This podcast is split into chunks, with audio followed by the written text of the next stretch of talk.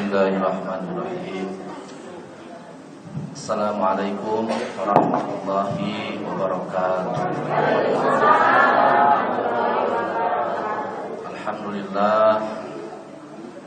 Alhamdulillahilladzi arsala rasulahu bil huda wa dinil haq liyudhhirahu 'ala dini kullihi walau karihal musyrikun. Asyhadu an la ilaha illallah wa asyhadu anna Muhammadan abduhu wa rasuluh Allahumma salli wa sallim ala sayyidina Muhammad wa ala alihi wa sahbihi ajma'in. Rabbana zidna ilman warzuqna fahman. Allahumma agdina bil ilmi wa sayyidina Allahumma inna na'udzubika min ilmin la yanfa'u wa qalbin la yakhsha'u wa du'ain la la yusma'u wa amalin la yukbaru bi rahmatika ya arhamar rahimin. Para hadirin yang dimuliakan ku Allah Subhanahu wa taala. Pertama, ayo orang syukur ke Allah Subhanahu wa taala bahwa hari ini kita bisa berkumpul di majelis ilmu. Majelis ilmu itu salah satu dari taman surga min riyadil jannah. Nah, jadi Walaupun sekarang misalnya di sini ada yang tidur gitu ya, nah itu teh kersare di taman surga. Salawat serta salam semoga Allah senantiasa limpahkan kepada junjungan kita Nabi Muhammad Sallallahu Alaihi Wasallam beserta tak lupa semoga Allah limpahkan juga kepada istri-istri beliau, putra-putri beliau, kepada para sahabat, para tabiin, para waliullah dan seluruh umatnya Mudah-mudahan kita juga nanti termasuk orang-orang yang diberikan syafaat oleh Allah Subhanahu wa taala. Karena tidak mungkin seseorang itu masuk surga kalau tidak mendapatkan syafaat Rasulullah Shallallahu alaihi wasallam. Saya barusan merinding ya e, karena terus terang sudah lama tidak apa salawatan seperti ini. Karena kalau di tempat saya biasanya berjanji, berjanji masih singkat setengah jam Ustaz Kalau berjanji singkat gitu ya Nah, perkenalkan dulu nama saya Syahid ya, Syahid Permana ya umur sekarang mau 52 tahun. Cepat rumah sing kuring teh rada awet mora padahal geus umur 52 tahun. nah, dulu pesantren pertama tamat SD, SD SD negeri terus melanjutkan ke pesantren di pesantren Al Burhan. Pak Burhan itu dipimpin oleh Abu Yajigadung kakeknya Ajengan Ubay tahu Ajengan Ubay nah Ajengan Ubay itu kakeknya jadi saya pesantren di kakeknya Ajengan Ubay tapi waktu saya di sana Ajengan Ubay belum ada ya, karena sama saya umurnya beda 14 tahun jadi saya di sana umur 13 tahun Ajengan Ubay belum ada setelah di situ saya melanjutkan ke Nurul Indah di Tangerang. Di Tangerang melanjutkan ke Darul Hadis. Kalau di Darul Hadis ada salah satu teman saya di daerah sini, cuma saya belum pernah ya. Di Cimahi uh, Ajengan Sulaiman, yang tahu? Ajengan Sulaiman, ya Anom, mohon. Nah, itu di sarang anjeuna di Darul Hadis. Terus tidinya melanjutkan karena melanjutkan ke Al Imarat belajar bahasa Arab karena atas pesantren kayak itu kan dia suatu hari bertemu dengan orang Arab tuh bisa ngomong Arab atau apa wiran gitunya terus pesantren kayak itu kan dia begitu ketemu orang Arab tuh bisa ngomong Arab gitu kan. Kalau kita ngerti ngomong Arab tuh bisa. Akhirnya masuk ke Alimarat jurusan bahasa Arab. Dari Alimarat terus ya kuliah ya kuliah di Polban jurusan akuntansi. Kita boga ijazah akuntansi. Ekonomi akuntansi. Nah, terus di situ belum puas juga lanjut kuliah di Universitas Ibnu Saud di Saudi jurusan Saudi pulang dari sana merasa bahasa Arab masih can paten kan karena di Arab mah bahasa Arabnya bahasa Arabnya gitu ya jadi kalau kaifahalu orang Arab mah kaifahalat Kaifah kalau ke perempuan kaifah halik. Yang buat kul khul. Ahmad Ahmed. Nah, jadi tetap kalau bahasa Arab kita berada susah, lamun sekolahnya di Arab. Akhirnya pulang dari sana pesantren lagi ke Sudan di Majelis Muhammadiyah pimpinan Syekh Muhammad Ibnu Ahmad Al Khodrowi.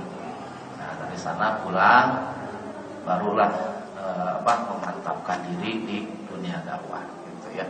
Nah sempat sepulangnya dari sana sempat bisnis sebenarnya bisnis kayak itu kan dia yang untung lumayan gede tapi merasa lain tempat lah gitu ya. akhirnya ah, sudah nawaitu kembali ke dunia dakwah jadi sebenarnya kalau saya mah spes spesialisnya itu di pendidikan jadi saya jarang sekali tablik akbar seperti tablik seperti ini gitu ya bahkan mungkin ini mungkin yang terakhir gitu ya karena kebetulan mulai bulan ini tuh kan tahun ajaran baru. Nah sekarang ada program baru di pesantren, saya full ngajar dari pagi sampai siang. Jadi kegiatan saya pagi dengan masyarakat di masjid siang dari jam setengah delapan sampai jam 12 ngasuh apa ngasuh santri di pesantren. Pesantren Patih Al Ayubi Insya Allah gratis. Yang mau pesantren silakan datang. Tapi dianjurkan usia SMP gitu ya. Saya SMP, SMA boleh SMA. Cuman SMA mas sekarang program terakhir, setelah itu tidak akan ada program lagi. Nah, jadi kalau mau nemuin saya pagi ya, terus kalau siang ada di pesantren, begitu pada asar ada di e. Di sana ada Masjid Asapar, terus ada tur apa e, Abitatur. Jadi kebetulan saya juga salah satu pembina di travel gitu ya yang punya rezeki tanggal 25 Agustus saya orang umroh ya. Nah kalau umroh itu jangan pakai uang pak, tapi pakai iman. Ya. Umroh, haji, melihimah itu pakai iman. Tong pakai duit, tong itu maksudnya tong hitung-hitungan matematik mau nepi. Ya.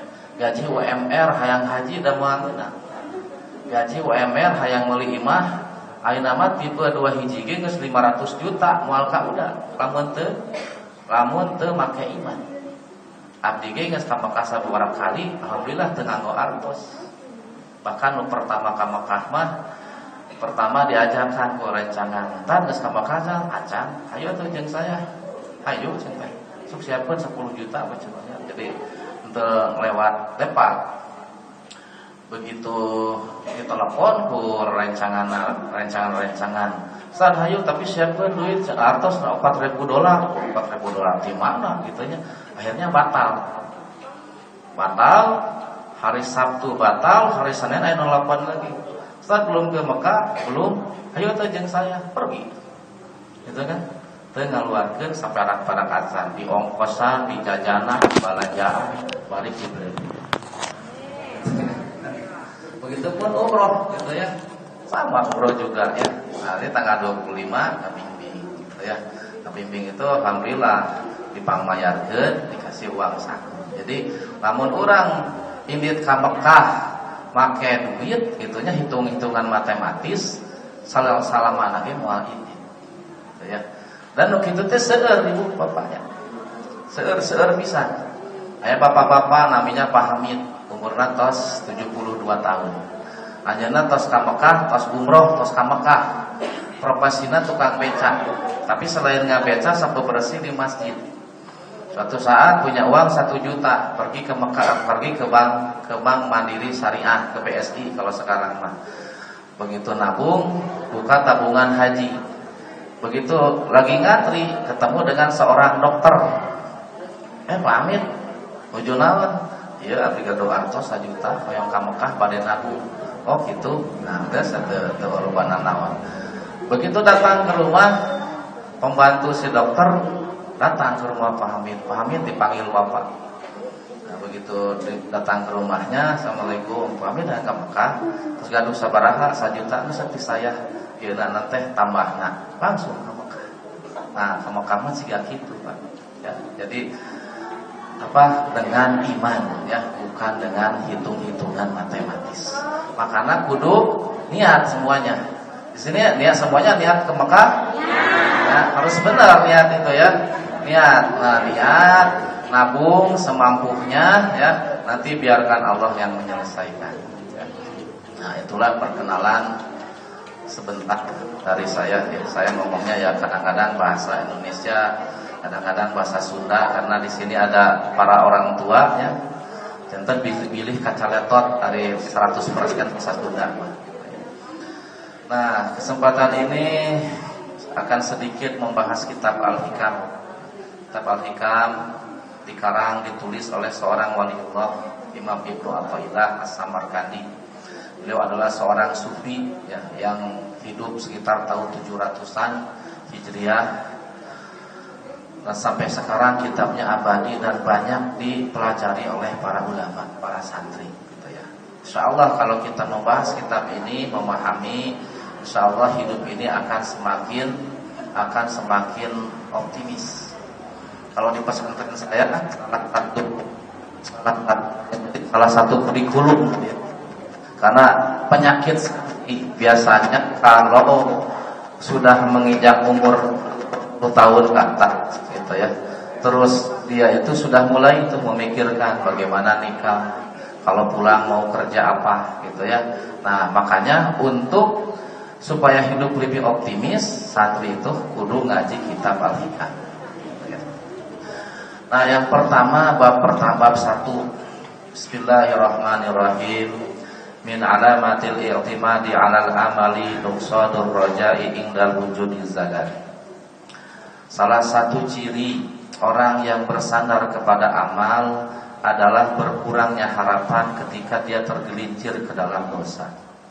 Nah, jadi Artinya kita tidak boleh bersandar kepada amal Pak. Tidak boleh. Karena hidup ini bukan jual beli. Bukan kita ini ibadah Terus ditukar dengan surga. Mual kahut, mual kahontal. Mual kahontal ya. Kita beribadah untuk mendapatkan rahmat Allah Tapi rahmat Allah itu tinggi Jauh dengan kita. Bahkan lebih jauh dari matahari Kata Imam Ibnu Al-Qum Matahari itu sinar matahari yang siang hari kita itu lihat gitu ya, itu muncrat dari mataharinya itu beribu-ribu tahun yang lalu. Jadi memancar dari pusatnya beribu-ribu tahun yang lalu, lalu berjalan dan sampai ke bumi. Jadi yang siang tadi kita lihat itu sudah terpancar beribu-ribu tahun yang lalu. Itu sinar matahari. Nah, rahmat Allah itu jauh lebih tinggi daripada itu. Jadi kalau kita dengan amalan kita mau naik untuk mendapatkan rahmat ridho Allah daripada mendapatkan rahmat apa rahmat Allah kaburu habis umur kita. Rasulullah SAW bersabda bahwa umur umatku antara 60 sampai 70 tahun. Hanya sedikit yang lebih daripada itu. Ya, jadi kita tinggal berhitung saja sekarang. Umur sekarang 52 berarti kurang lebih 13 tahun lagi. Itu pun kalau nyampe. Gitu ya. Nah, makanya Orang yang paling cerdas itu saudara Rasulullah adalah orang yang senantiasa mengingat kematian. Ya, orang yang senantiasa mengingat kematian. Kematian itu Bu Pak itu bagaikan mimpi. Ya, kalau dibahas di dalam kitab bagaikan mimpi orang yang mati itu. Ya. Saya lebih senang memba mem memakai bahasa mati, bukan bahasa meninggal. Karena pada dasarnya Innal insana lafi khusrin. Manusia itu dalam kerugian. Nah, kematian itu bagaikan mimpi. Jadi bagaikan orang yang mimpi mati, lalu dia melihat jenazahnya, ada ada orang yang menangisinya, terus dipulasana, dimandikan, dikapani, disolatkan, dikuburkan. Tetapi begitu selesai dikuburkan, ruhnya oleh Allah dibalikan Begitu dia bangun, dia sudah berada di alam lain. Alangkah kagetnya orang tersebut. Nah makanya saya pun semakin hari umur semakin berkurang rasanya berat gitu ya. Kemarin waktu rame-ramenya COVID tahun 2021 saya sempat kena positif dirawat satu minggu di rumah sakit. Ketika saya di rumah sakit ada kabar Ustaz Zulkarnain meninggal. Terus Syekh Ali Jabir meninggal. Waduh, saya sudah zikir terus-terusannya dan meninggalnya karena Covid. Saya sudah kebayang, kebayang percakapan Rasulullah Shallallahu alaihi wasallam dengan Sayyidina Umar. Rasul bersabda bahwa nanti di alam kubur semua orang akan akan mengalami ketakutan. Kata Sayyidina Umar tanpa terkecuali ya Rasulullah tanpa terkecuali siapa pun orang yang meninggal pertama kali dia dibangkitkan di alam kubur akan mengalami yang namanya ketakutan yang luar biasa yang belum pernah dirasakan di dunia. So, ibu bapak di dunia pernah merasakan ketakutan apa? Dikejar debt kolektor, kan itu kan sionnya jarangkung gede orang timur ya kan, ya kan orang timur. Itu udah udah kita takut luar biasa. Atau dicegat preman bawa apa senjata tajam. Itu udah takut luar biasa. Nah nanti di alam kubur setiap kita akan mengalami ketakutan yang jauh lebih menakutkan daripada itu. Bayangkan bu ya. Jangankan kita begitu bangun di alam kubur Dulu zaman saya nyantri itu biasa santri teh hareureui. Jadi kalau misalnya e, tertidur di masjid itu digarotong. Diasupkeun ka jero bedug. Bener ya teh. Santri dimasukkan ke jero bedug. Begitu budak itu luar biasa ada kagetna. Eta karek diasupkeun ka jero bedug. Gitu kan? Atau kadang-kadang di masjid gitu. Ngobrol-ngobrol tidur di pareman kan ditalinggalkeun begitu udang tinggal sorangan itu pun sudah langsung lompat gitu kan, langsung lompat ke kobo. Nah ini bagaimana perasaan kita, bayangkan coba begitu kita merasa bermimpi, melihat tubuh kita yang sudah mati ditangisi, udah gitu dimandikan, dikapani, udah gitu disolatkan dan dikuburkan, tiba-tiba begitu bangun ada di alam kubur. Bahkan dalam hadis suara terompah orang yang ada di atasnya itu terdengar. Bahkan dalam hadis yang lain ketika ditalkin mendengar ditalkin. Di sini mah yakin saya pasti masih suka ditalkin ya Pak. Ya. Nah, kata ya tante talkin itu penting gitu. Sebab ada hadisnya apabila seseorang itu meninggal terus mati terus ditalkin, maka malaikat munkar dan nakir itu mundur. Terjadi nakponan. Bagaimana orang bisa bisa ditanya sedangkan dia sudah meminta tolong kepada Allah Subhanahu wa taala. Nah, kata Sayyidina Umar, apakah Rasulullah apakah tidak terkecuali semua orang akan ketakutan? Iya. Jadi pertama semua kita itu akan mengalami ketakutan. Kita semua termasuk saya akan mengalami ketakutan. Tetapi bagi orang-orang yang beriman termasuk orang-orang yang senantiasa, senantiasa duduk di majelis ilmu gitu ya ketakutan itu tidak akan berlangsung lama. Nah, karena setelah itu kuburnya akan diluaskan, lalu akan datang Al-Quran untuk apa menjadi uh, sebagai penyelamat, akan menolong. Al-Quran itu akan menjadi hujah penyelamat semenjak dia masih ada di alam kubur. Nah itu kalau kita bicara kematian. Nah mungkin sekarang tidak akan tamat ya Pokoknya saka tepinya ya. Kalau di pesantren mah sampai setengah 12 Pak Kalau ngaji seperti itu. Habis salawatan sampai setengah 12 Tapi di diri mah mual punya Mau lebih ke setengah 12 ya. Paling lebih ke jam 11 lewat saparapat Nah jadi bergantung kepada amal itu Tidak apa tidak boleh ya. Nah ini kata kata Imam Ibnu Athaillah Sebagian dari tanah bersandar kepada amal itu adalah berkurangnya harapan ketika dia tergelincir terhadap dosa. Misalnya, di sini yang dimaksud amal adalah ae amalul jawari min salawati wal azkari wa Contohnya sholat, sholawat dan zikir. Misalnya kita ingin punya rumah terus saja baca surat waqiah. Baca surat waqiah, datang ke dengan baca waqiah atau baca doa Nabi Nuh Robi anzilni munzalan mubarakan wa khairur kita itu doa bagi orang yang punya rumah. Nah, ayat tersebut oleh Nabi Nuh itu dibaca ketika turun dari perahu. Setelah terombang-ambing, Nabi apa, bumi berantakan, Nabi Nuh berdoa, Robi anzilni munzalan mubarakan wa anta khairul munzilin. Ya Allah berikanlah kepadaku tempat tinggal karena engkau sebaik-baik tinggal. Nah, jadi sob yang belum punya rumah, amalkan doa itu. Setiap habis sholat lima waktu. Baca terus. Setiap habis sholat waktu Robi Anzilni terus gitu ya. Suatu saat karena kesibukan tidak membaca. Hilanglah harapannya. Ah saya ini udah beberapa berbulan-bulan terus. Sekarang karena sibuk kerja tidak membaca doa lagi sehingga doa saya mau di mau di apa? Mau diijabah. Nah, itu tidak boleh. Walaupun sekalipun kita ini sedang lalai, bahkan berbuat dosa sekalipun, tapi ingat, bagi orang yang beriman, dosa itu tidak boleh disengaja. Orang beriman tidak boleh dosa dosa itu disengaja. Jadi dosa itu harusnya tidak disengaja berbuat dosa. Jadi kalau dia lalai, sengaja tidak sengaja berbuat dosa, itu tidak merubah harapannya terhadap Allah. Karena kita dengan Allah itu bukan transaksi.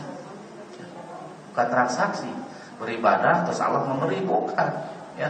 Andaikan kita ini bertransaksi dengan Allah setetes air pun kita tidak akan bisa uh, tidak apa ibadah kita tidak akan mem, apa, membayar satu tetes air pun.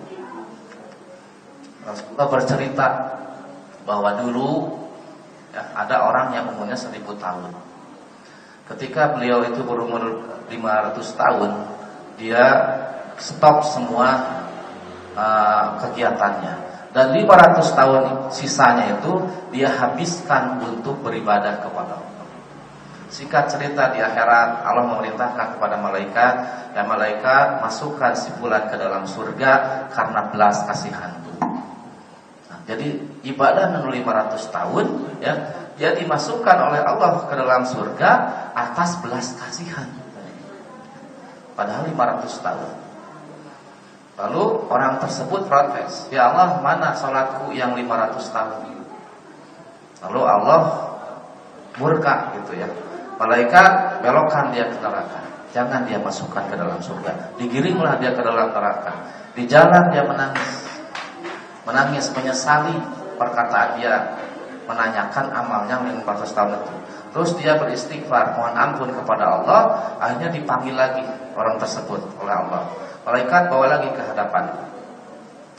Lalu kata Allah, malaikat ambil amalan dia yang 500 tahun itu timbang. Begitu ditimbang, hanya cukup untuk membalas satu kedipan mata. Ibadah 500 tahun hanya cukup untuk membalas satu kedipan mata. Gitu ya. Nah, karena kemarin-kemarin saya sakit cekukan terus nggak tahu kenapa setiap berapa menit sisi dua cukup play cukup play. Atau itu tidak enak. Tidak enak. Nah akhirnya apa alhamdulillah ada salah satu santri dok udah jadi dokter di telepon saya bilang dok obat sisi dua naon? Ya ya ustaz gua beli dikirim hanya dikirim.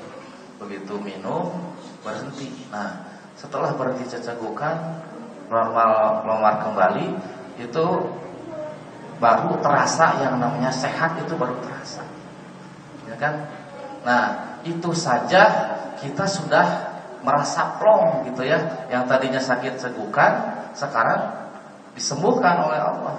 Nah, makanya ibadah yang 500 tahun itu hanya cukup untuk menebus satu kedipan mata. Makanya balik lagi, dengan Allah itu bukan transaksi.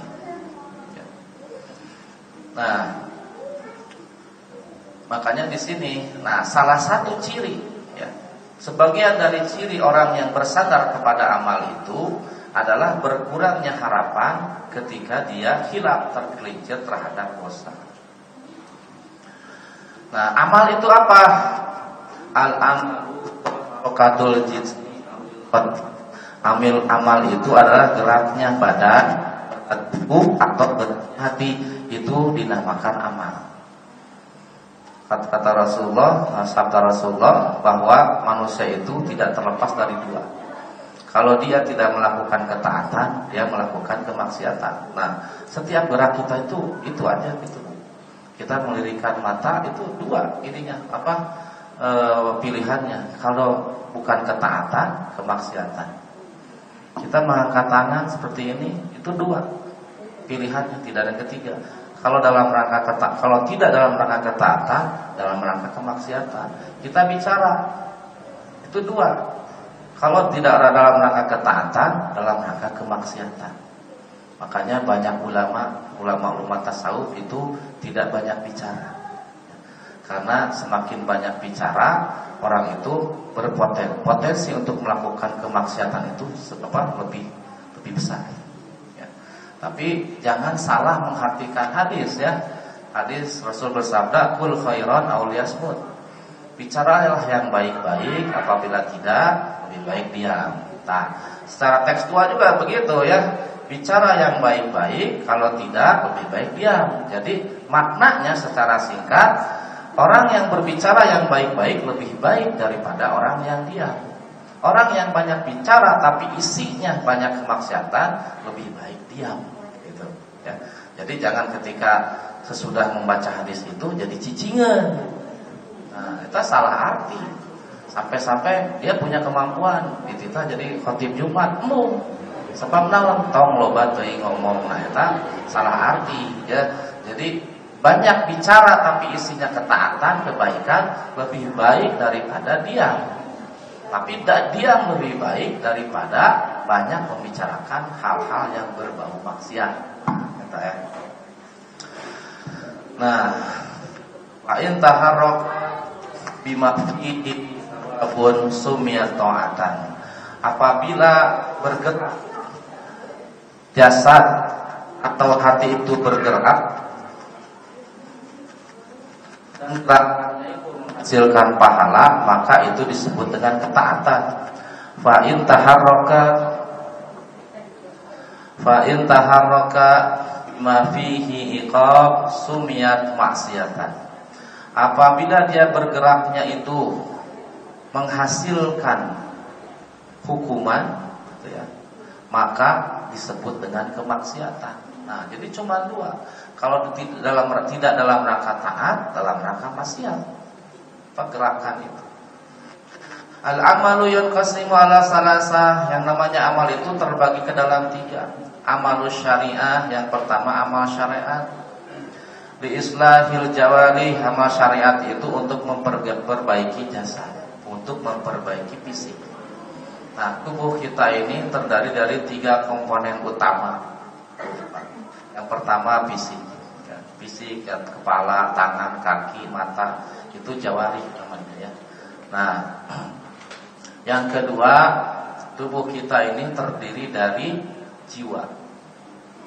Nah, jiwa itu ditanamkan di dalam hati dan otak. Nah, kalau kita misalkan sebuah handphone gitu ya, maka jawari fisiknya itu adalah casingnya.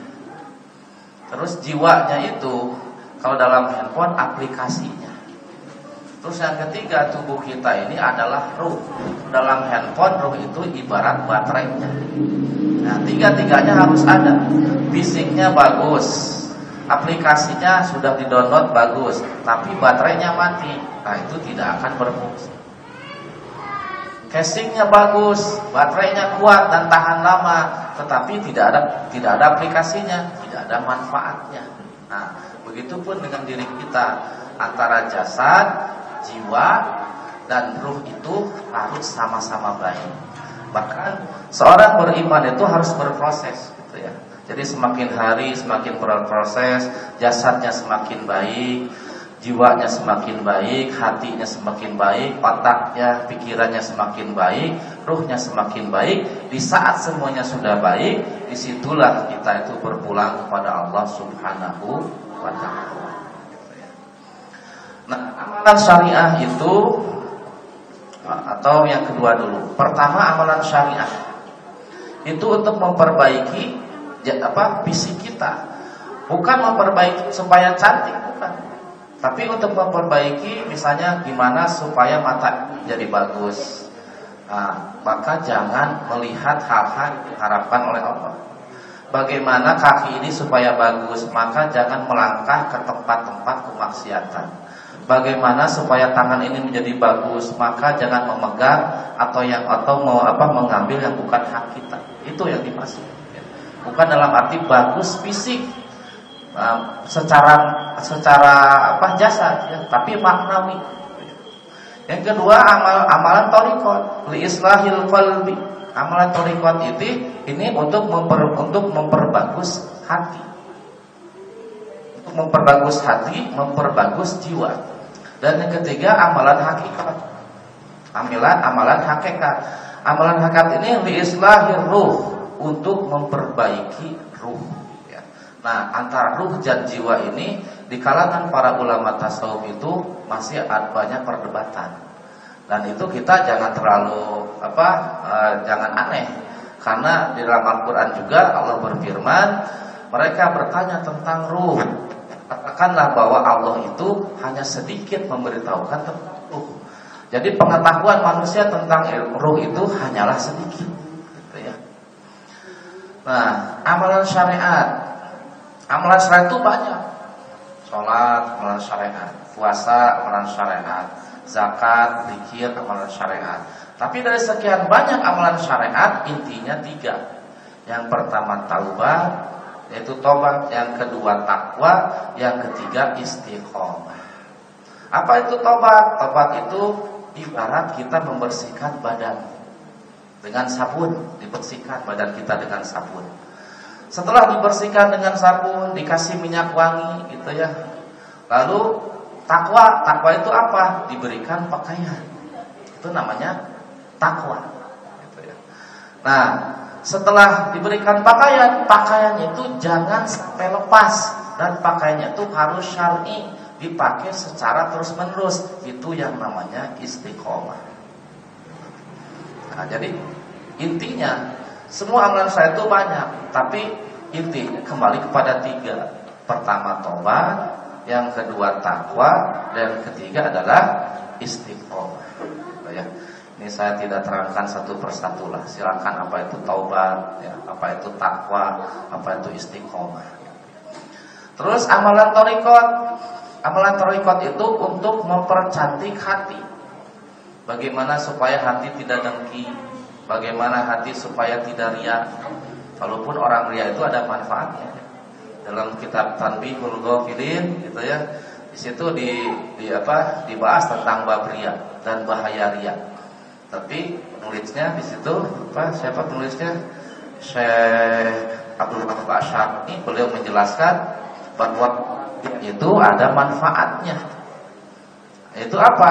Kata beliau, kalau tidak ada orang-orang masjid-masjid tidak akan berdiri, madrasah-madrasah tidak berdiri, jalan tidak akan bagus. Nah, jadi ada manfaatnya orang yang ria. Dan bahkan orang yang ria juga tetap mendapatkan pahala. Pahalanya dari mana? Kalau orang yang ria mendirikan masjid, ia tidak mendapatkan pahala dari mendirikan masjidnya, tetapi dapat pahala dari setiap orang yang sholat di masjidnya. Jadi hitungan-hitungan pahala sangat detil, detil pahala itu. Nah, ini amalan torikot. Amalan torikot itu untuk memperbagus hati. Gimana supaya tidak dengki. Gimana supaya tidak ria. Bagaimana supaya tidak bohong. Maka amalan torikot juga banyak. Tetapi intinya kembali kepada tiga. Pertama ikhlas. Yang kedua sidik. Yaitu jujur. Yang ketiga maninah. Ya. Tumaninah itu merasa nyaman bersama dengan Allah. Ikhlas Ikhlas itu tidak apa melakukan amalan hanya semata-mata Allah Subhanahu wa taala. Para ulama membagi ikhlas itu menjadi tiga. Ada ikhlasnya orang awam. Orang ikhlasnya orang awam itu dia beramal dengan mengharapkan balasan dunia dan di akhirat ingin masuk surga dan selamat dari neraka. Nah, tetap ikhlas, tetap ikhlas. Cuma ikhlasnya ikhlas orang awam. Gitu ya. Jadi kalau dia memang betul dalam Quran ada gitu ya. Kalau orang itu beramal maka dari satu tumbuh menjadi seratus. Dalam hadis kalau dia bersedekah satu dibalas dengan sepuluh gitu ya. Boleh bersedekah sejuta, mudah-mudahan dibalas sepuluh juta. Boleh ikhlas, ikhlas, tapi ikhlasnya orang awam seperti itu. Yang kedua, ikhlas mutawasid. Orang yang pertengahan. Ikhlas orang yang pertengahan itu dia tidak ada keinginan balasan di dunia, gitu ya. Pokoknya mau sedekah, sedekah, mau sholat, sholat. Pokoknya ibadah, ibadah. Tidak ada urusannya dengan di dunia. Tapi dia ingin di akhirat masuk surga dan selamat dari neraka. Itu ikhlasnya orang pertengahan. Jadi masih pamrih. Nah yang tertinggi ikhlasnya orang ma'rifat. Ikhlasnya orang ma'rifat itu nu penting mengibadah. Dunia akhirat rumah Allah. Di dunia mau dijadikan seperti apa, dek dijadikan orang miskin, dek dijadikan orang kaya, kumaha Allah. Sayyidina Ibnu Mas'ud berkata, aku tidak peduli dengan apa yang Allah lakukan kepadaku. Kalau aku dijadikan orang miskin, aku akan hadapi dengan kesabaran. Kalau aku dijadikan orang kaya, artinya aku ada untuk berbagi. Nah itu kata Ibnu Mas'ud. Nah, orang yang ikhlas yang sudah marifat tidak ada urusan dengan balasan. Di dunia terserah Allah, di akhirat pun terserah Allah. Mau dimasukkan ke dalam surga, kumaha Allah. Mau dimasukkan ke dalam neraka, kumaha Allah. Makanya seorang sufi perempuan itu namanya siapa? Robiatul Adawiyah ya. Beliau salah satu munajat, ya Allah, apabila aku beribadah karena ingin masuk surga, masukkan aku ke dalam neraka itu orang yang marah. Pokoknya ibadah, ibadah saja gitu ya. Nah, ikhlas. Kemudian sodik, sodik itu jujur. Kita tiap hari gitu ya. Nah, jujur ini lebih tinggi daripada ikhlas. Orang yang sodik, orang yang jujur pasti ikhlas. Orang yang ikhlas belum tentu jujur. Contoh, kita tiap hari baca Al-Fatihah. Jadi kita baca Fatihah berapa? Minimal 17 kali. Ya kan? Kita sehari sholat 5 waktu. Berapa rakaat? 17 rakaat. Berapa kali sujud? 34 kali sujud. Berapa kali takbir? 94 kali takbir. Ketika baca Al-Fatihah bisa jadi itu ikhlas. Ikhlas, khusyuk gitu ya. Tetapi belum tentu sidik. Sidik itu karena apa? Di Al-Fatihah ada kalimat Iya karena wudu wa iya karena nasta'in. Kepadamu ya Allah aku menyembah. Hanya kepadamu aku mohon pertolong. Hanya kepadamu Allah mohon pertolongan. Begitu ada masalah, yang pertama bukan ngadu kepada Allah. Nah itu namanya tidak sidik. Bisa jadi, tapi belum tentu sidik. Ya. Terus tumanina, tuman itu merasa nyaman dengan Allah. Tidak ada apa pun yang membuat dia tentram, membuat dia nyaman kecuali Allah. Di rumah punya mobil, tidak membuat mobilnya tentram. Rumahnya gede, tidak membuat rumahnya rumahnya tentram. Banyak uang tidak membuat dia tentram. Tapi ketika dia sudah mendengar nama Allah, seketika hatinya tentram. Jadi gampang nih ngetes orang yang sudah tumanina. Kalau dia marah, diingatkan istighfar kan, istighfar astagfirullahaladzim. Dia langsung apa? Orang tumanina. Oh iya, astagfirullah. Astagfirullah. So, Syekh di Sudan, seorang Syekh, mobilnya ditabrak. Ya, lagi dengan air, di, uh, apa? Tertabrak mobilnya. Begitu keluar orangnya, astagfirullahaladzim, masya Allah. ini sudah mau mau marah, ya marah namanya juga manusia. Nah, tetapi beliau ini sudah malinah, begitu mendengar astagfirullahaladzim, masya Allah, seketika amarahnya itu langsung turun. Nah, ini ciri orang yang sudah tumanina. Ini sangat apa? Sangat didambakan mungkin ku ibu-ibu ya punya suami yang tumanina. Begitu suaminya begitu suaminya marah, Pak istighfar astagfirullahaladzim. Langsung lerap kalau suaminya tumanina. Begitupun dengan istri Begitu rewel Mah istighfar. Coba ucap astagfirullahaladzim. Membaca. Begitu membaca istighfar astagfirullahaladzim Orang yang sudah tumanina Seketika dia akan merasa tentram dengan Allah subhanahu wa ta'ala dan ketiga amalan hakikat. Amalan hakikat juga banyak. Ini untuk mempercantik jiwa, untuk mempercantik ruh. Ya, kita kalau misalnya ketemu sama teman, misalnya dia kita mengatakan semoga sehat walafiat. Nah, kalau sehat maksudnya fisik, badan, kalau afiat artinya jiwa. Nah, kalau afiat itu maksudnya ke supaya jiwanya sehat. Tapi kalau sehat supaya badannya sehat.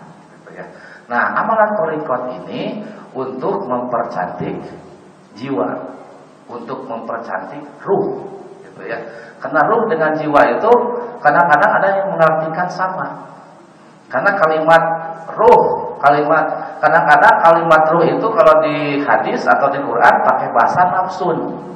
Di hadis yang tadi ya, ketika orang itu tidur, terus dia ketika orang itu tidur itu diangkat ruhnya. Diangkat ruhnya.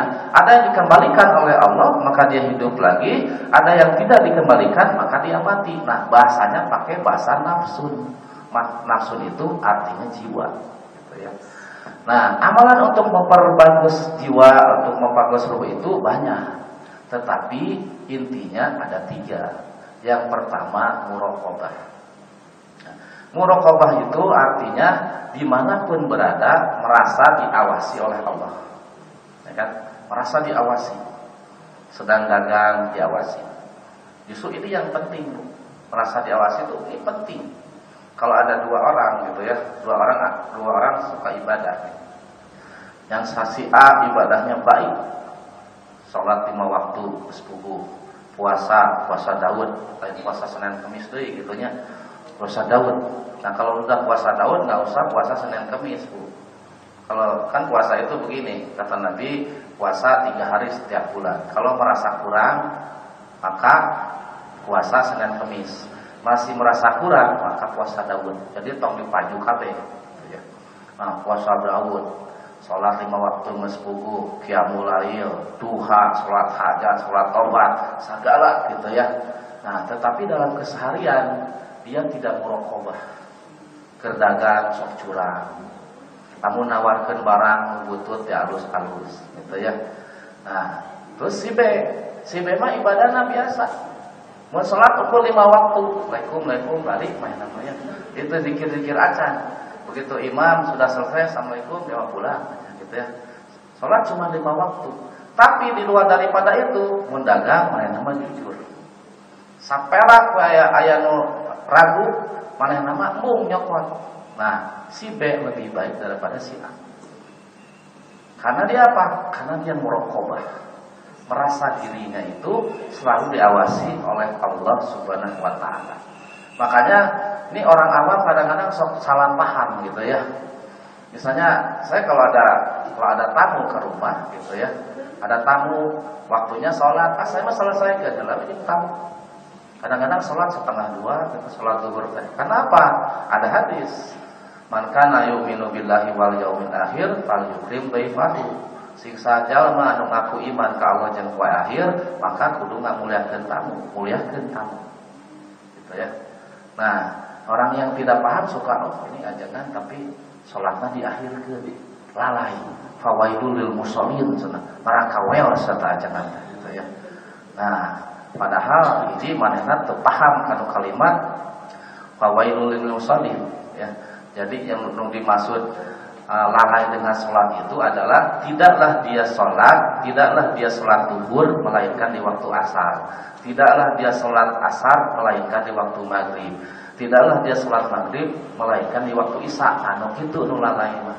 Jadi kalau masih di dalam rentang waktu sholat, eta tidak termasuk lalai.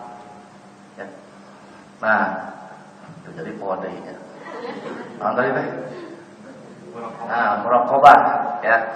Murokobah. Nah, jadi orang yang murokobah itu ya lebih baik daripada ahli ibadah. Lebih baik lagi sudah ahli ibadah murokobah. Kan? Nah, makanya seperti saya bilang tadi, kalau ada tamu, saya mah selesaikan dulu, gitu ya. Karena ini tamu itu bagian dari perintah Rasulullah yang harus dimuliakan, muliakan tamu, layani gitu ya. Sholat nanti setengah dua, tidak apa-apa. Gitu ya, kalau saya, tapi orang yang tidak paham kadang-kadang suka begitu, langsung menilai. Jadi karena dia mah begitu ngomong langsung ke masjid, itu bagus. Begitu ngomong langsung ke masjid, gitu kan? Bahkan tamunya langsung ditinggal ke, jadi si tamu teh, kapok datang ke imah nanti, ya Nah, ini banyak di kalangan masyarakat muslim kita yang uh, salah menafsirkan. Makanya tuh saya tuh sedang melis itu hal-hal yang salah tafsir di masyarakat. Seueur salah tafsir teh. Misalnya di Al-Qur'an ada kalimat al-fitnatu asyaddu minal qatli. Fitnah itu lebih besar dosanya daripada pembunuhan. Tapi fitnah di dunia teh lain fitnah eta teh. Tapi kemusyrikan.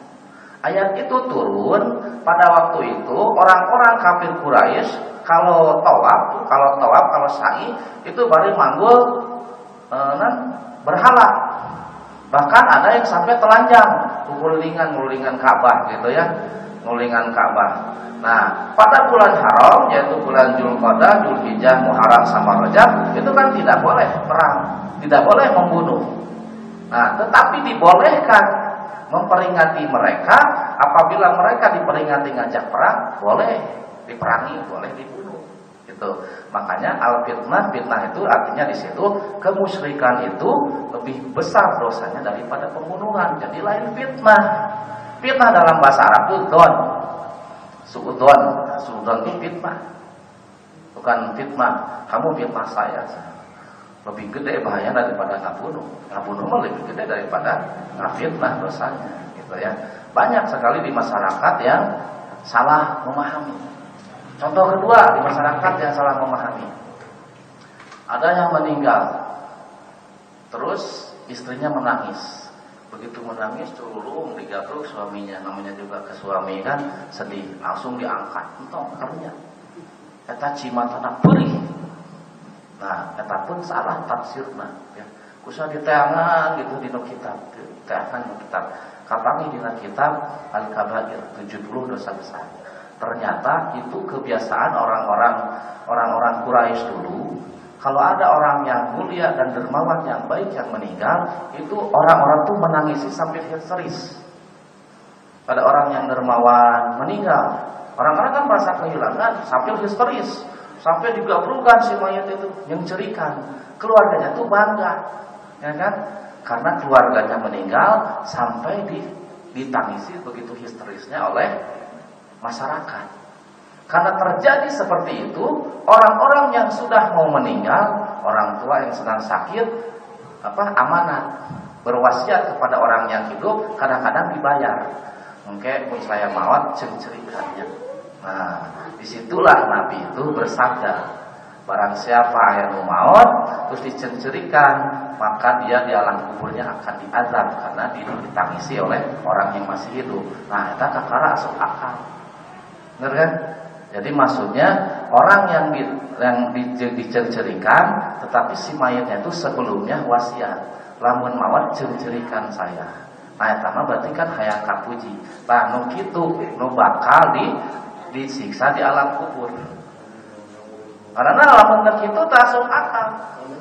Makanya di lamun bahasa keren mah memahami dalil kudu epistemologi gitu ya, mun bahasa keren mah. Epistemologi teh lamun memahami hadis kudu jelas atas asbabul wurudna, kudu paham bahasana, kudu paham ilmu balagohna, kudu paham ilmu sastrana. Nah, setiap rasul bersabda pasti ayat sabab sababna, gunawan. Gitu kan? Saya bertahun-tahun mikir. Sajaloni mikir lamun ke depan aja sok deg-degan. Sabab naon can kapangih jawabanana? Sieun naon? Sieun aya nanya. Kan bilang teh jawabanna kan. Pak Ustaz, ada hadis kalau kita menangisi orang yang meninggal, maka yang meninggal tersebut nanti akan diazab di dalam kubur. Bagaimana penjelasannya? Nah kalau waktu itu waktu saya masih mencari gitu ya itu tiap pengajian deg-degan, tiap teman deg-degan. Kenapa? Belum tahu jawabannya, saya nanya. Nah ternyata alhamdulillah sekarang sudah ketemu. Nah sekarang pikirkan aja, ingat ya Islam itu agama yang masuk akal. Ya, Islam itu agama yang masuk akal. Kalau sekarang tidak masuk akal, nanti-nanti bakal masuk akal. Ya.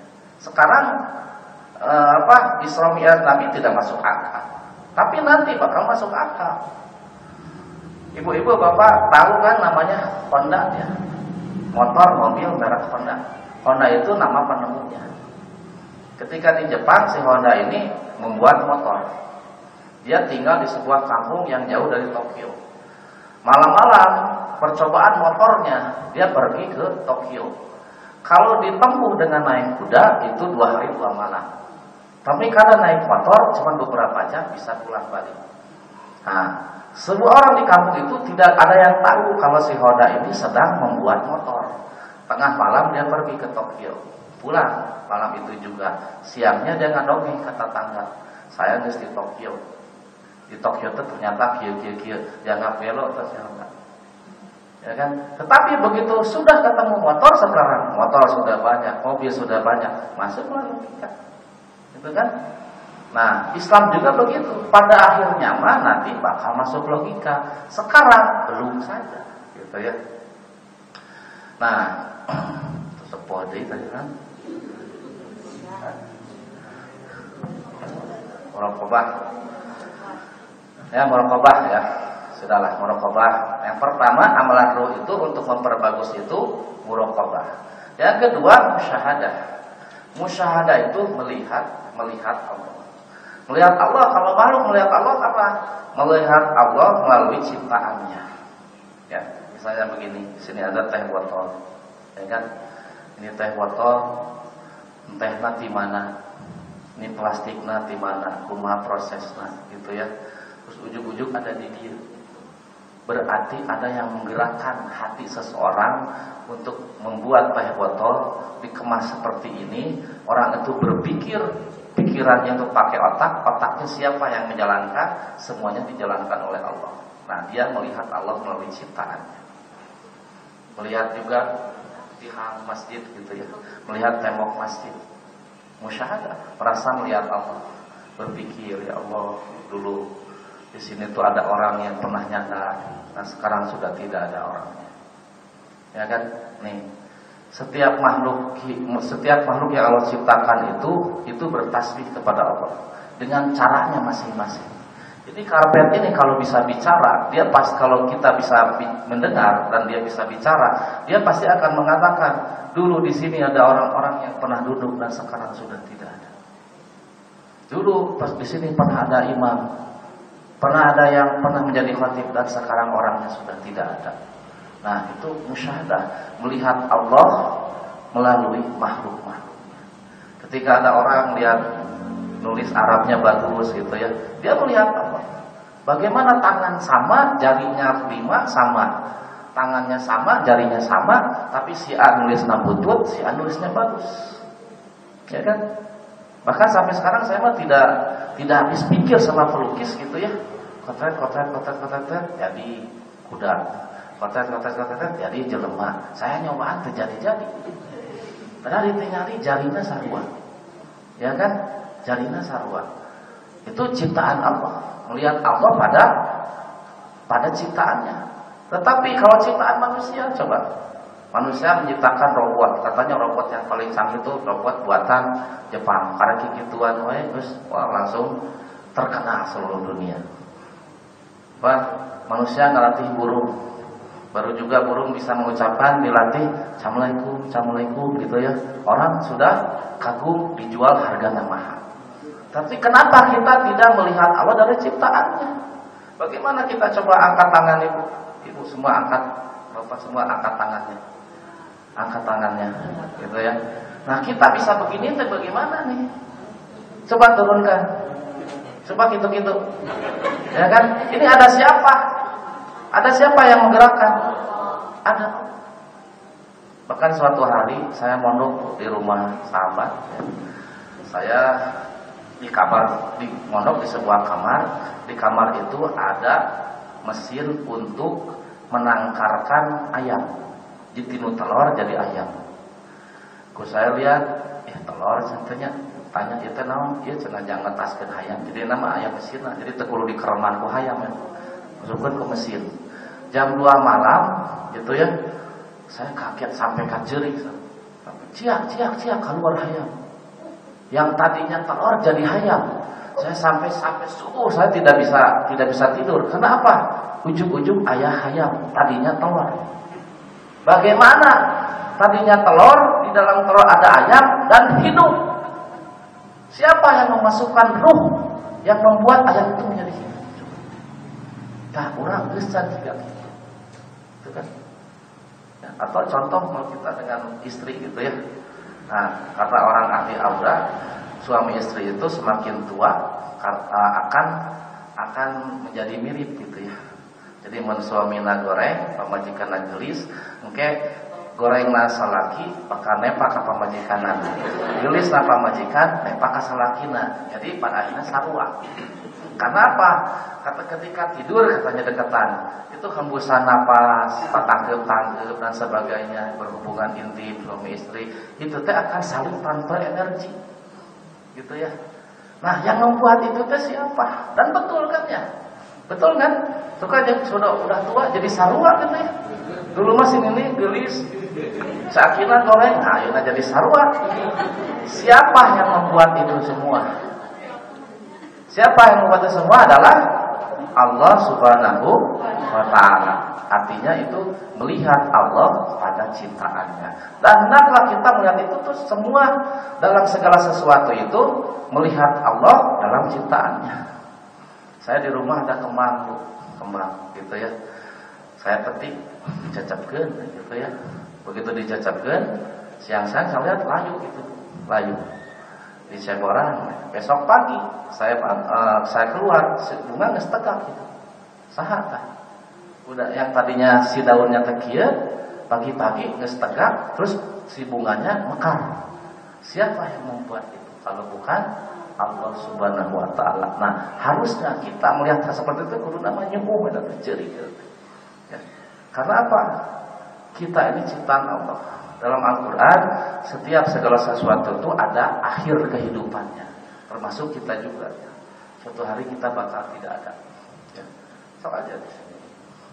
Bakal bakal ada ya. Eh, bahkan bukan bakal ada lagi. Bakal apa? E, pasti Kematian itu bukan nomor urut, tapi nomor cabut. Ya.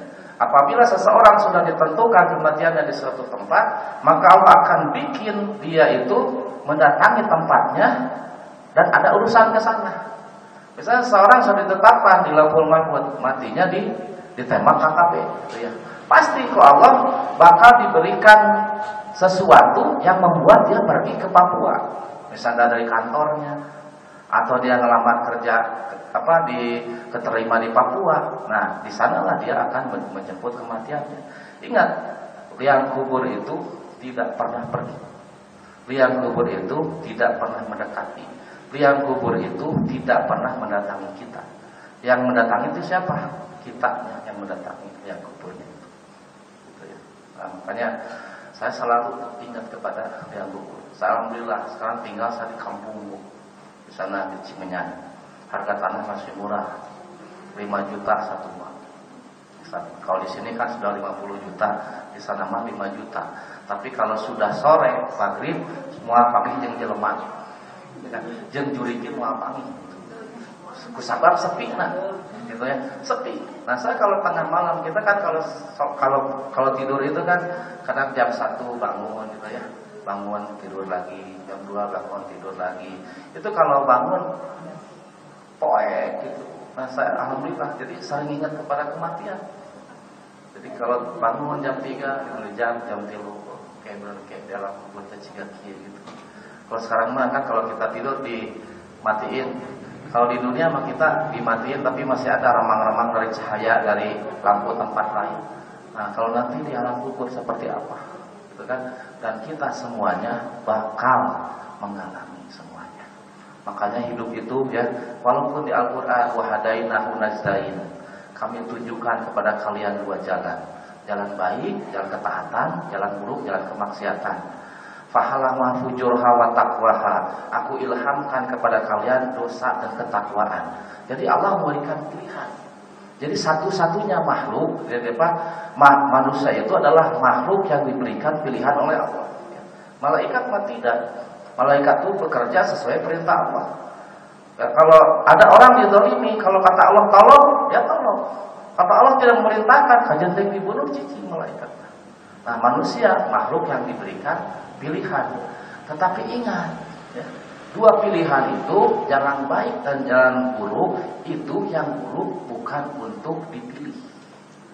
Jalan dosa dan jalan takwa, ingat, jalan dosa bukan untuk dipilih. Karena apa? Semua ada konsekuensinya. Jadi hidup itu apa? terpaksa atau sukarela.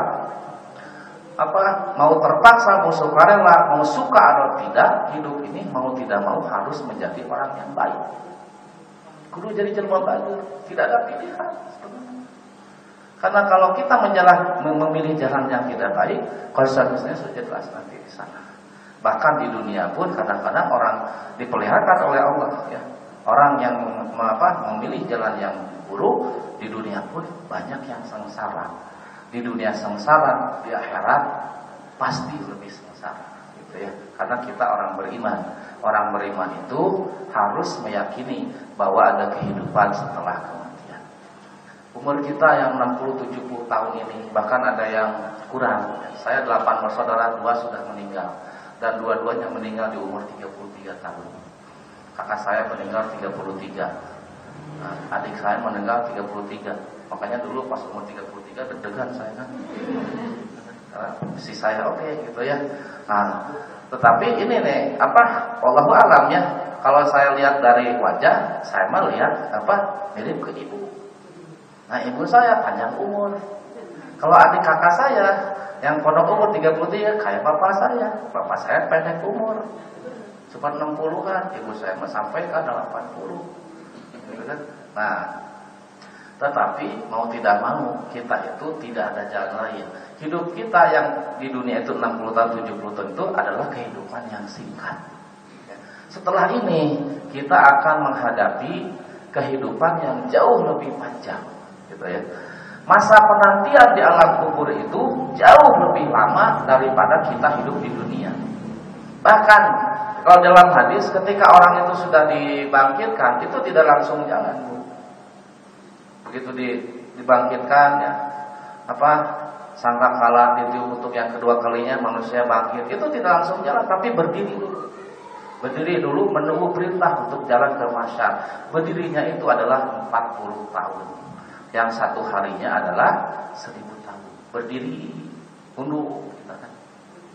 Setelah 40 tahun dikali seribu seseharinya satu seribu tahun baru disuruh berjalan kepada masyar di masyar tidak langsung kita itu dihisap tapi berdiri lagi 70 tahun.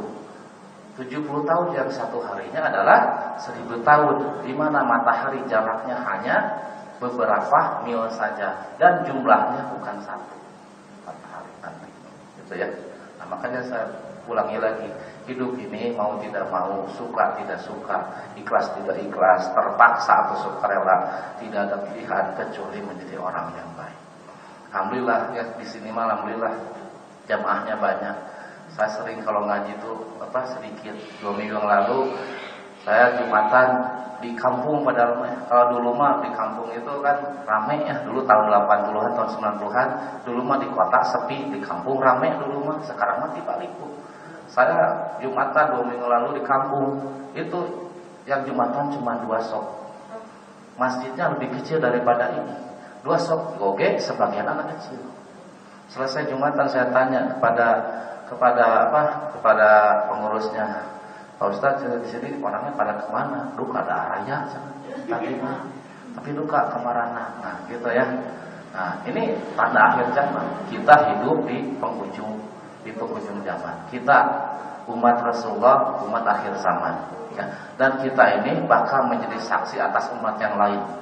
Sudah lama Quran begitu.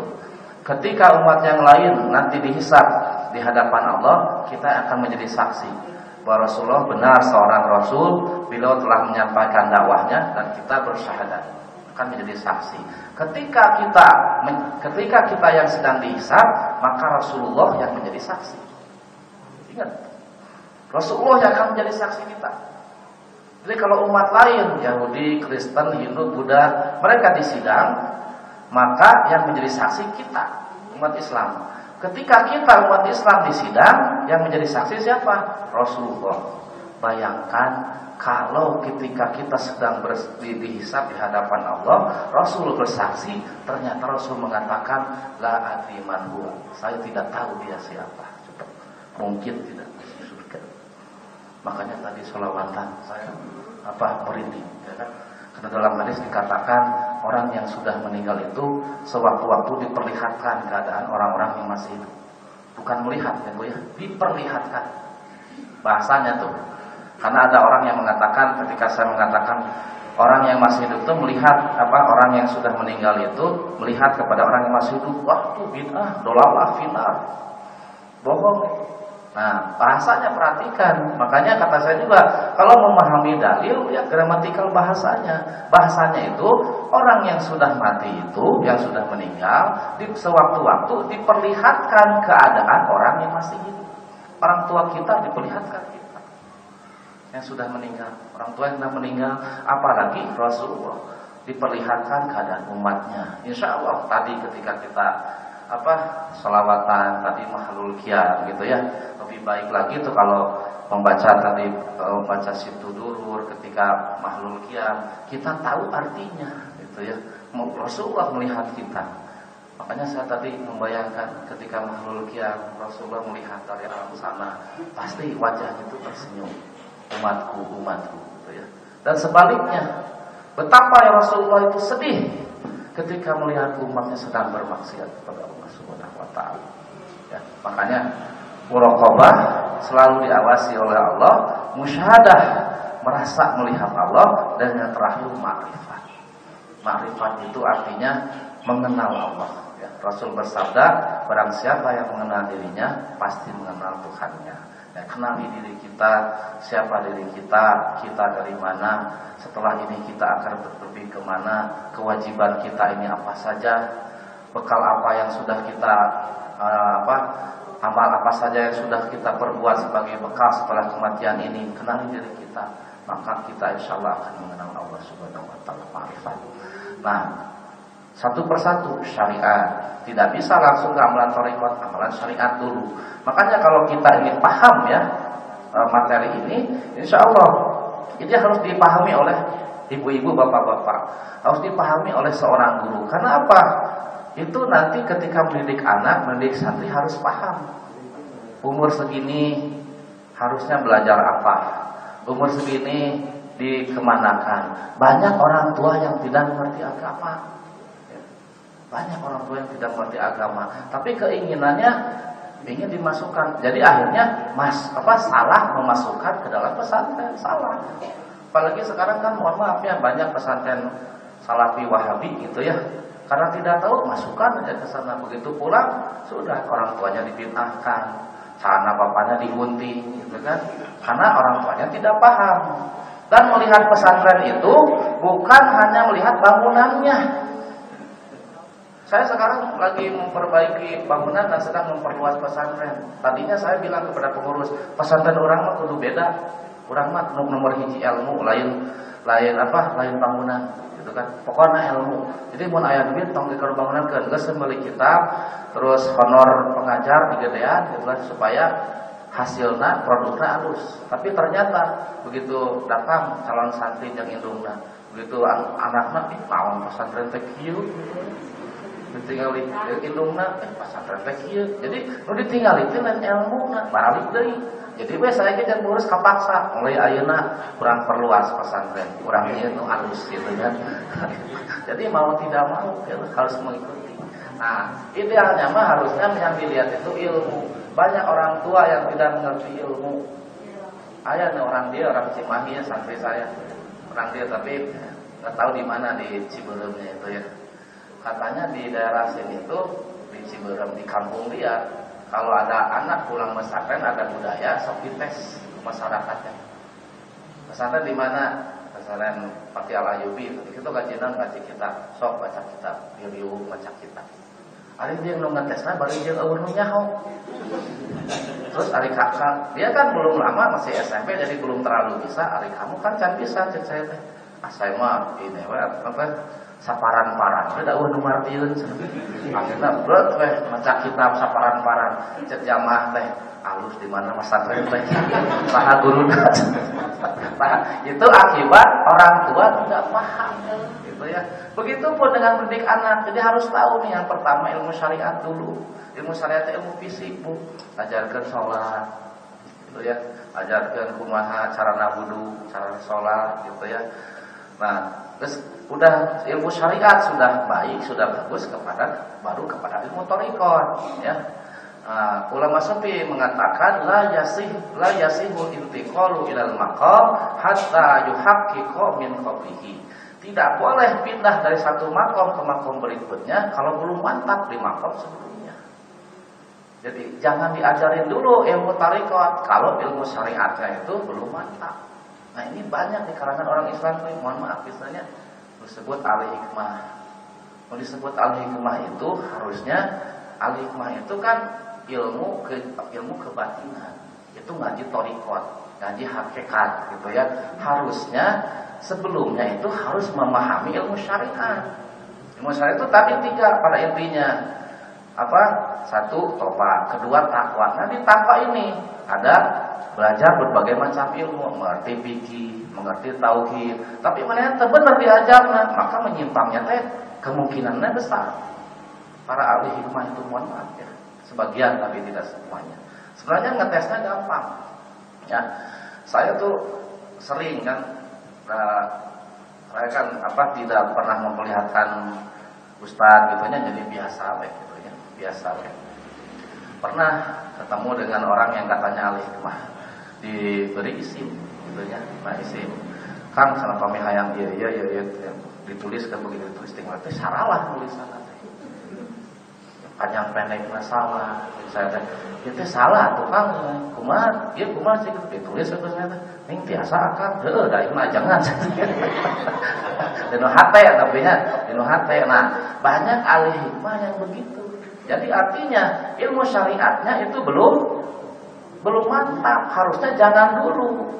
Nah biasanya seperti ini ujung-ujungnya kamu kulus biasanya ya. Hati-hati yang seperti itu ya. Nah yang terakhir makrifat ya. Jadi itu. Nah jadi kalau kita memahami syariat torikot hakikat jadi kita bisa mendidik santri mendidik anak naon itu diajarkan. Tiga ya. Ini mah yang singkatnya anak dari umur 0 sampai 12 tahun ajarkan membaca ajarkan membaca membaca Quran baca sampai sampai lidahnya tuh pasir kalau di pesantren saya sampai umur 12 tahun tuh baca terus Sampai kalau jadi imam dia bagus, macanya saya. Umur 2, 30, tepat 13, 12 sampai dengan 15 tahun hafalan. Jadi macanya sudah bagus, suruh ngapalin. Ngapalin Quran, ngapalin hadis gitu ya. Nah, dari umur eh, berapa? 16 sampai dengan 18, 18 19 itu belajar memahami. Baru tuh belajar kan bahasa Arab, nahu kalau di saya. SMP kita belum belajar ilmu soro. SMA baru belajar soro, belajar balago, belajar sastra, belajar memahami. Di atas 22 tahun belajar menganalisa.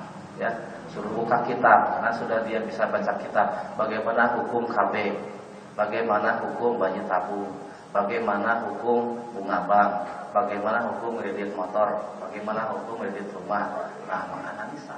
Gitu ya. Nah, jadi itu empat tahapan gitu ya. Nah, orang tua harus tahu anak kita umur berapa. Jangan sembarangan masukin pesantren karena banyak pesantren yang ngerti. Jadi asal jangan. Banyak yang itu. Pokoknya ngaji. Pokoknya ngaji. Masalah bisa temah emang mau balik pasti bisa. Nah, lu penting nurut kapula mau balik pasti bisa. Eh bisa asal buka ongkos. Ya kan? Ada yang seperti itu gitu ya. Karena eh, apa? Ilmu laduni itu ilmu memang ada ilmu ilmu laduni. Ilmu laduni itu artinya belajar sedikit, artinya banyak. Belajar sedikit, artinya banyak. Lahir itu diajar sama sekali juk-juk bisa, tidak. Mengerti belajar sedikit, mengertinya banyak. Nah, itu namanya laduni, gitu ya. Nah, itu saja yang saya sampaikan ya. ya jadi Nah, tadi amalan-amalan yang tadi, ya, amalan syariat, amalan torekot, amalan hakikat, silakan beramal sebaik-baiknya, tapi ingat jangan bergantung kepada amal. Gitu ya. Jadi kalau kita beramal, suatu saat kita hilang, berbuat dosa, apa pun dosa kita, jangan sampai kehilangan harapan kepada Allah Subhanahu Wa Taala. Tetap optimis, gitu ya, tetap optimis. Jadi kalau begini, ibu pengen punya rumah bertahun-tahun kontrak terus berdoa ingin punya rumah. Suatu saat berbuat dosa gitu ya. Jangan hilang harapan ya ah saya berbuat dosa aku Allah mau dikabulkan mikir lagi ya bu. Jelema kafir wae mana garede nah gitu mikirna nah jadi akhirnya optimis. Allah maha pengasih. Orang kafir saja dikasih. Nah saya mah saya saya mah hanya melakukan dosa itu gitu ya. Hanya dosa dosa kecil. Orang Yahudi saja gitu ya berkali-kali dilakukan oleh Allah, berkali-kali diampuni dosanya oleh Allah. Orang Yahudi ya, bunuh terus disuruh bunuh diri, dihidupkan lagi, diampuni lagi. Minta kepada Nabi Musa supaya ingin melihat Allah, disambar petir, dihidupkan lagi, diampuni lagi. Itu dosanya seperti itu. Ayo orang insya Allah dosanya paling bawah, paling nggak bohongnya, ya kan? Paling nggak bohong, orang mau dosa teman ngobrol, sok bohong, gitu ya.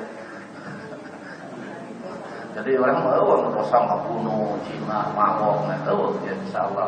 Nah Yahudi saja yang dosanya seperti itu oleh Allah diampuni. Makanya ketika kita hilang tergelincir terhadap dosa, jangan hilang harapan kepada Allah Subhanahu wa taala. Alhamdulillahirabbil alamin. Wassalatu wassalamu ala Rasulillah sallallahu alaihi wasallam. Subhanakallahumma wa bihamdika asyhadu an la ilaha illa anta astaghfiruka wa atubu ilaik. Wassalamualaikum warahmatullahi wabarakatuh.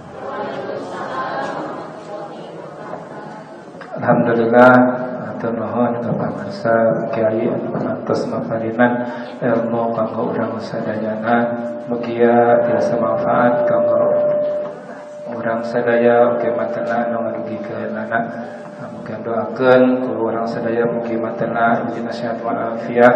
Panjang yuswana Lafat ilmuna Amin ya Allah ya Rabbal Alamin. Hadir rahimakumullah.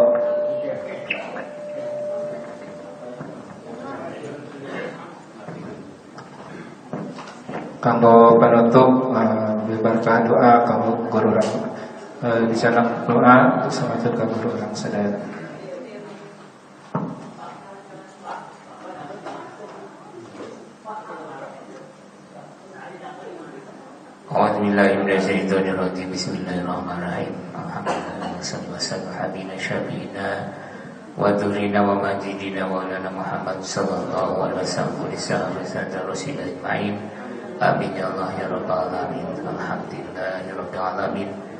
ya Rabbil Alamin Alhamdulillahirrabbilalamin Alhamdulillahirrabbilalamin Hamdan syakirin Hamdan aimin Hamdan yuafi ni'amu Wa yukami majida Rabbana lakal hamd. Kama yang bagi Badil masulqan Allahumma salli ala sayyidina Muhammad Salatika salamika ala sayyidina Muhammadin sallallahu alaihi wasallam. Ija'alna minal ahya Al-juki allatina anamta alaihi wa الذين أنت أمدنا برحمتك يا أرحم الراحمين اللهم ربنا سم قصيدنا مصلحة في الدين والدنيا والآخرة اللهم من حمدنا من الجدي ودينا الإسلام وأمتنا ونسألك إيمانا قولا مقبولا في الحياة إنا ونعوذ بك من الشرك والكفر والضلال برحمتك يا أرحم الراحمين اللهم إنا نسألك ثبات wa usna ibadatika as'aluka lisanan sadiqa wa qalban saliba Rabbana la tujik qulubana ba'da idh hadaytana wa la tuzigh rahmataka innaka antal wahhab. Rabbana hab min azwajina wa dhurriyyatina qurrata waj'alna timma imama. Rabbana fil lana wa li ikhwanina alladhina sabaquna bil iman. Wa la taj'al bi qulubina lil ladzina amanu. Rabbana innaka ra'ufur rahim. ربنا إنك أنت وتب علينا إنك أنت التواب الرحيم ربنا آتنا في الدنيا حسنة وفي الآخرة حسنة وقنا عذاب النار ربنا آتنا في الدنيا حسنة وفي الآخرة حسنة وقنا عذاب النار ربنا آتنا في الدنيا حسنة وفي الآخرة حسنة وقنا عذاب النار صلى الله عليه وعلى آله وصحبه وسلم سبحان ربك رب العزة عما يصفون وسلام على المرسلين والحمد لله رب العالمين شر الفاتحة. أعوذ بالله من الشيطان الرجيم. بسم الله. الحمد لله رب العالمين. الرحمن الرحيم. إياك نعبد وإياك نستعين. اهدنا الصراط المستقيم. صراط الذين أنعمت عليهم غير المغضوب عليهم ولا الضالين. رب اغفر لي. آمين يا رب العالمين.